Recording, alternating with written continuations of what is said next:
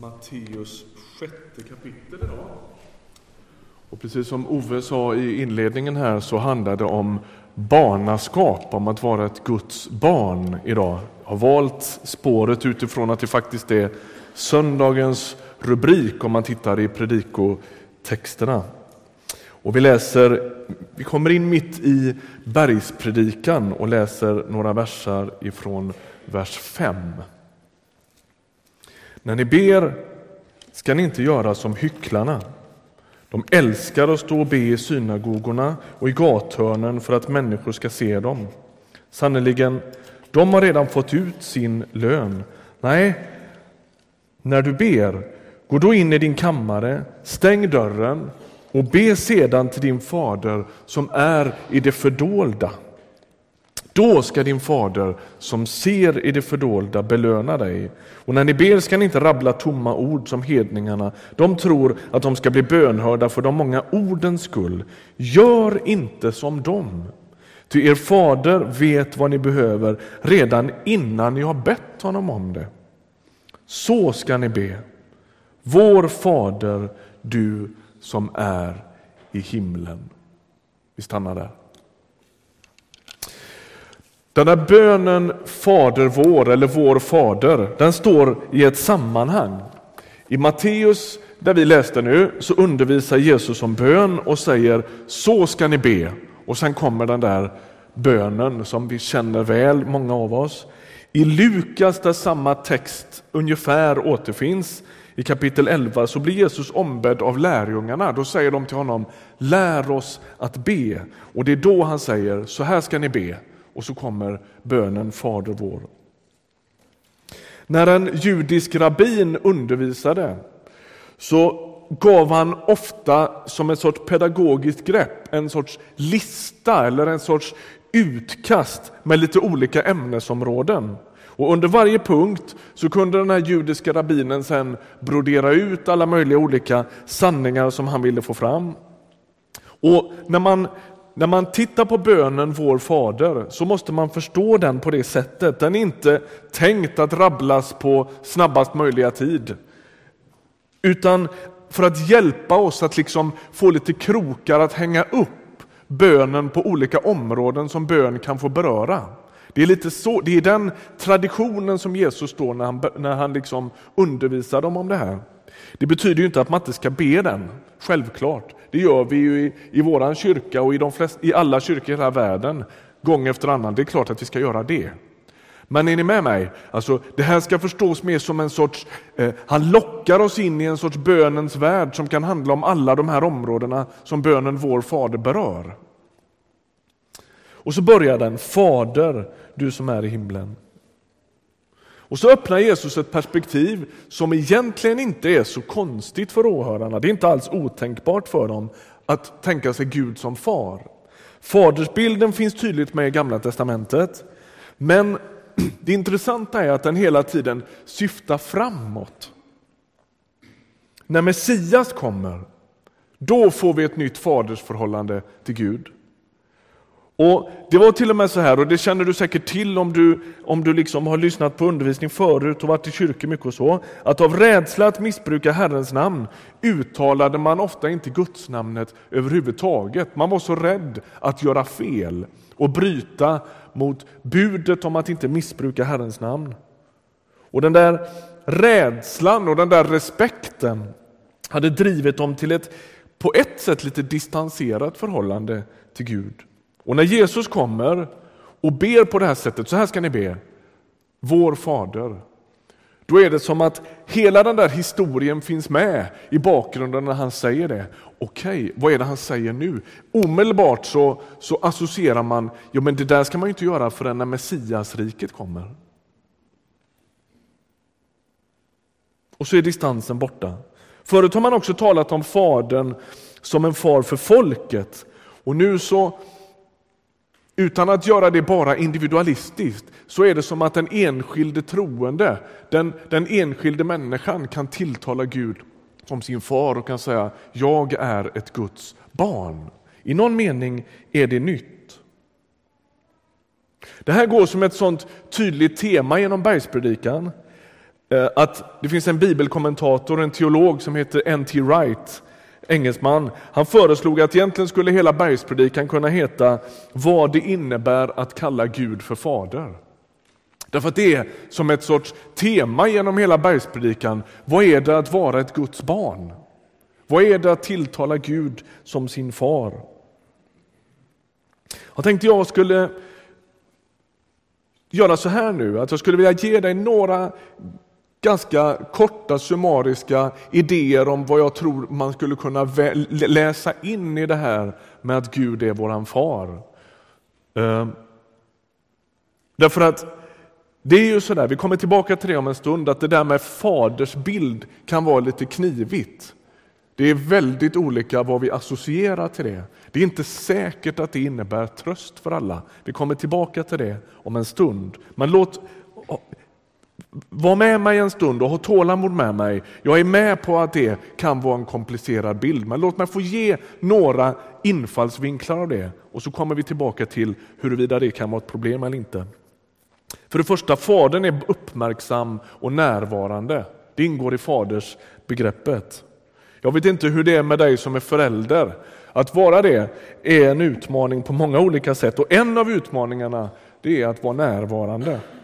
Ibland känner jag att jag sitter vid ett matbord eller vi håller på med något annat hemma och jag har mina tankar på något helt annat. Jag är liksom inte riktigt där. Det är som att man inte hör vad familjen säger. Känner ni igen det? En och annan gjorde det på första raden.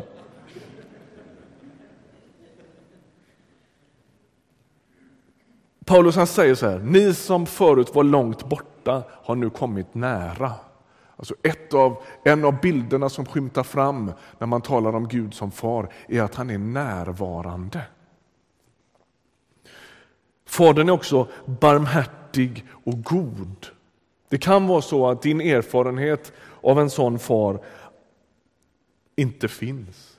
Att din erfarenhet av far är att, den, att man aldrig når fram eller att man söker en barmhärtighet och en kärlek som man aldrig riktigt lyckas att vinna. Men när Bibeln talar om Gud som far så är det i väldigt varma termer. Det finns ett uttryck som jag väldigt ofta återkommer till. Ni vet man har sådana där som man liksom kan smaka på nästan hur mycket som helst. Och Det kommer ifrån första Korintierbrevet 1 där det står att Gud är barmhärtighetens fader och all trösts Gud. Det där smakar jag ofta på, det där ber jag ofta utifrån. Att Gud är barmhärtighetens fader och all trösts Gud. Alltså han är fader till all barmhärtighet. Han är också rättvis. Jag vet inte hur många som har, är uppväxta med syskon och, och hur många syskon du har haft. När jag, när jag växte upp med en lillebror som var tre år yngre än jag så fanns det ju ett moment som var mer kritiskt än alla andra och det var när vi fick dela på en halvliters paket med glass. Kommer ni ihåg? Hur, hur, hur oerhört allvarligt det plötsligt blev. Va? Det var linjaler och det var grejer. När jag berättade det för min fru och, och, och liksom hur jobbigt det där var så berättade hon att de, de var ju tre och hon var yngst. Och då får man mittenbiten, den här som man liksom inte kan äta ur för det är hål överallt. Så, va?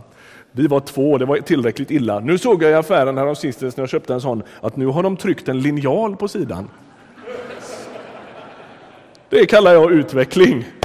Det, hade det funnits på 70-talet hade det sparat väldigt mycket tårar i vår familj kan jag säga. För man vill ju att det ska vara rättvist, va? Eller hur? Eller som våra barn sa när de var mindre, våran, våran Jonna sa, det är inte jätteviktigt att det är rättvist, bara jag får mest. uh, vi kan skoja om det och vi kan prata liksom trivialiteter, men det är ju så här att för en del människor så är erfarenheten att Gud inte är det. Att han inte är rättvis, utan att han är nyckfull. Att han är oberäknelig. Och att det spelar ingen roll vad folk säger, jag litar inte riktigt på det ändå. Att han är tillräknelig, att han är rättvis. Och jag vet inte om det hjälper dig i det här läget att en predikant står och säger att han ändå är det.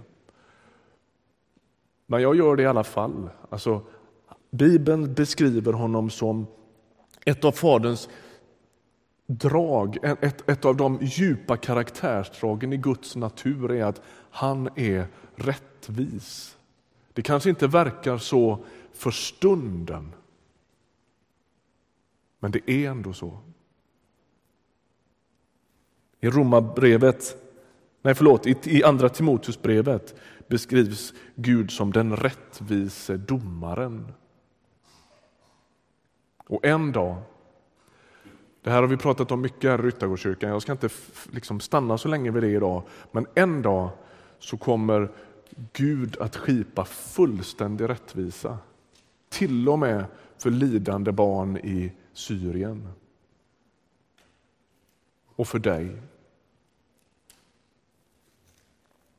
Fadern är också en auktoritet. Och jag tänker att även på den här punkten så är vår fadersbild lite skadad, inte minst i vår kultur. För de som hörde Jesus berätta om Gud som far så finns barmhärtigheten där, men också en jättetydlig association till fadern som en sorts hemmets självklara auktoritet och överhuvud. Jag står inte här och säger att det, var, att det ska vara så, men den, när man ger den bilden så fanns det med för de som lyssnade. Att, att i fadersbegreppet fanns det inte nödvändigtvis en konturlöshet eller en mjäkighet utan det fanns en, en tydlig auktoritet i det. Att ha Gud till sin far innebär inte att jag gör som jag vill eller bara att man kryper upp i knät. Utan att ha Gud till sin far innebär också att tillhöra någon som ibland kan vara sträng. I, I Romarbrevet 11 finns det ett uttryck som jag tycker är schysst. Det står så här, Gud är både god och sträng. Gud är både god och sträng. Och Gud är ju så fantastisk på det viset att han inte tar paus från en egenskap för att odla en annan. Det gör ju vi ibland. Just nu är jag sträng och sen när jag har lugnat ner mig då är jag kanske eventuellt god. Vi har svårt att vara båda samtidigt. Men Gud han kan vara både god och sträng på samma gång. Han är både barmhärtig och en auktoritet på samma gång. Det finns ingen motsättning i det från Guds, från Guds sida.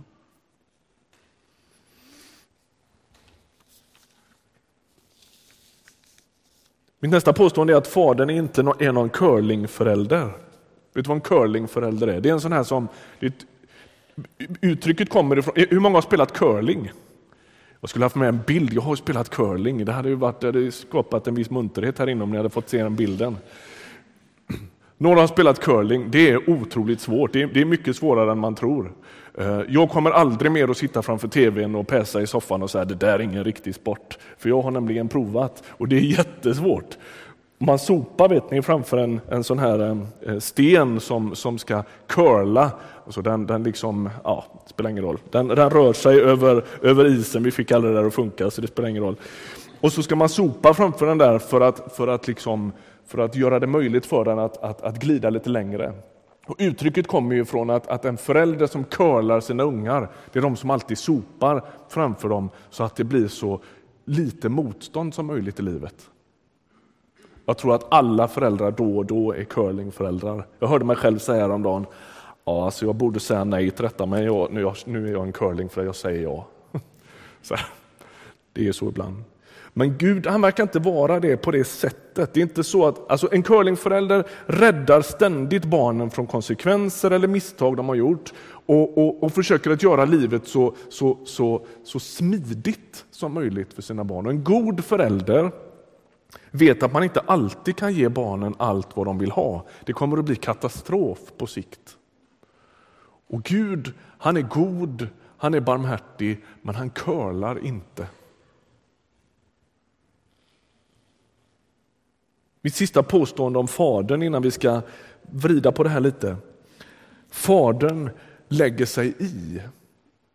Jag tror att alla föräldrar, och framförallt om man har tonårsbarn, någon gång har hört lägg dig inte i. Är det någon som har hört det så är det Gud, Fadern.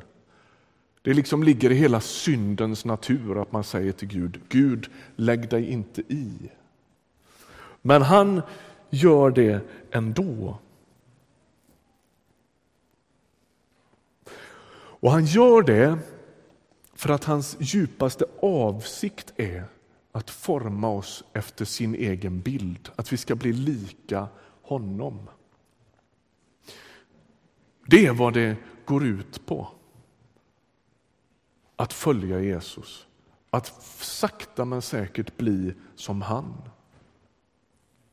Jag har en god vän som eh, skulle sluta sitt jobb häromsistens. Jobba på ett stort, stort företag som säljare. Och så en kristen man.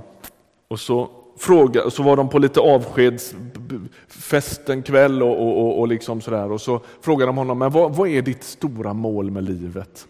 Och då säger han till de här icke kyrkvana människorna som sitter där, mitt stora mål med mitt liv det är att få bli ett helgon. Till dem. Så förklarar han vad han menar. Alltså min, min djupaste längtan är att det mer och mer ska lukta Jesus om mig. Och mina attityder, och mina val och mina relationer, min bild, syn på andra människor, min självbild, you name it, mina stålar, mina, mitt hem, min, min, min familj, i, i, alla avseenden att det ska börja, att Jesus ska ta allt större plats i mitt liv och att han ska forma mig efter sin egen bild. Det är min djupaste längtan. Och därför lägger sig Fadern i, för att det är hans mål med våra liv. Hans djupaste mål med våra liv är inte att de nödvändigtvis ska vara så friktionsfria som möjligt, utan att de ska skapa så mycket Jesuslikhet som möjligt. Mm. Det här finns ju med i bergspredikan väldigt tydligt.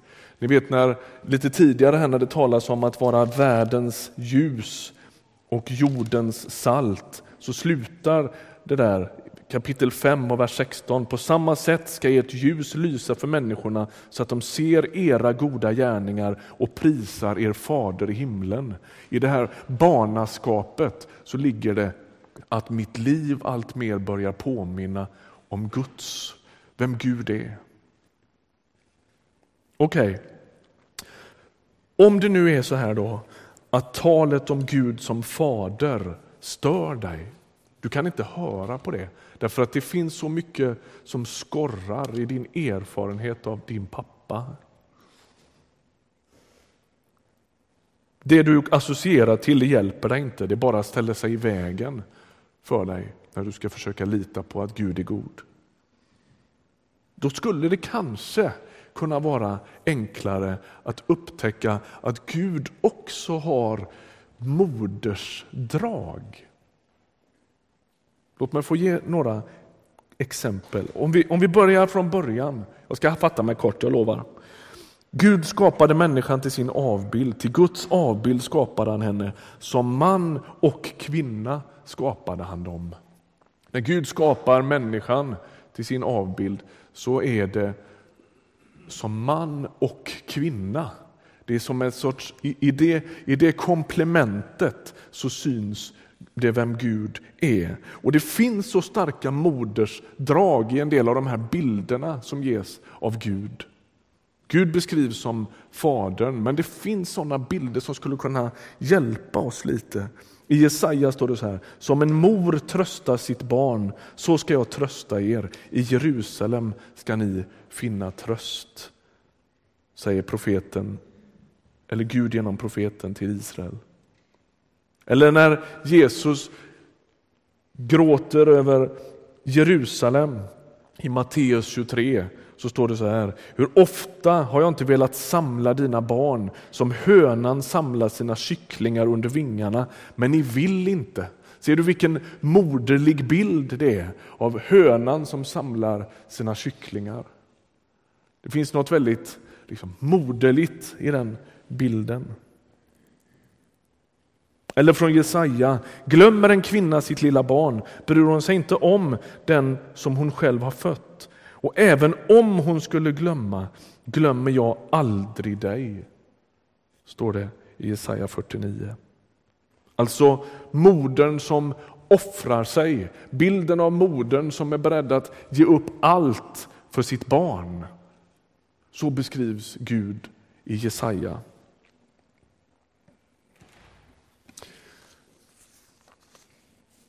Jag vet inte om ni någon gång har sett den här bilden. Den är tagen på annandag jul 2004 när tsunamin drar in över Thailand. Den här kvinnan som finns närmast oss här med ryggen hitåt, hon är svenska, hon heter Karin Svärd. Hon är från Skelleftehamn. De som leker lite längre ut, det är hennes barn. När alla flyr upp så långt bort ifrån vattnet som de kan komma så tas den här bilden på Karin som rusar åt andra hållet. Och det hon gör är att hon står på stranden och så ser hon den här väggen av vatten som kommer och så säger hon Gode Gud, mina barn. Och sen bara springer hon åt fel håll.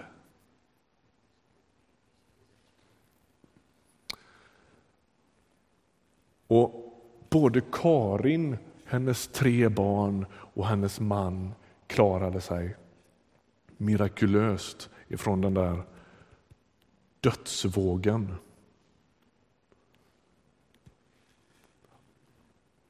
Men när Bibeln beskriver Guds modersdrag eller Guds fadersdrag så hjälper den här bilden mig. För jag tänker att det är precis det som händer.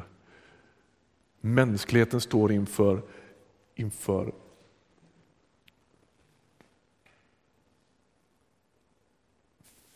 förfärande krafter. Och Gud springer åt fel håll och han säger mina barn och så rusar han rakt in i döden för mänskligheten. Så att vara ett Guds barn, det är att vara buren av den kärlek och den kraft som till och med rusar in i döden för din skull.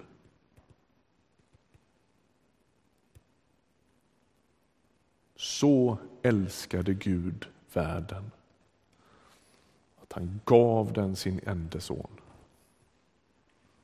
Gode Gud, mina barn. Ska vi be en bön? Herre, vi tackar dig för att du eh, gör oss till dina barn endast genom tro. Tack att vi inte kan förtjäna det, tack att vi inte kan ta oss det, tack att vi inte kan klättra eller avancera så att vi kvalificerar oss. Utan vi står med tomma händer inför dig och säger vi vill sätta tro till dig. Vi vill lita på dig. Och tack att då gör du oss till dina barn. Då skriver du våra namn i himlen. Herre, vi ber den här dagen för den som sitter här i Ryttargårdskyrkan eller den som sitter hemma vid radioapparaten som på något sätt har svårt att lita till det. Herre, kom med din ande. Det, det står att anden, din ande ropar i våra hjärtan att vi är Guds barn. Kom och fyll oss med din ande som ger oss en sorts visshet, en sorts trygghet om att du är vår far och att vi är dina barn. Herre, vi vill be att du skulle ta allt större plats i våra liv. Vi ber att det skulle synas, vi ber att det skulle märkas, att det skulle dofta där vi går fram i våran vardag. Att du är våran pappa. Tack att du hör oss när vi ber. Amen.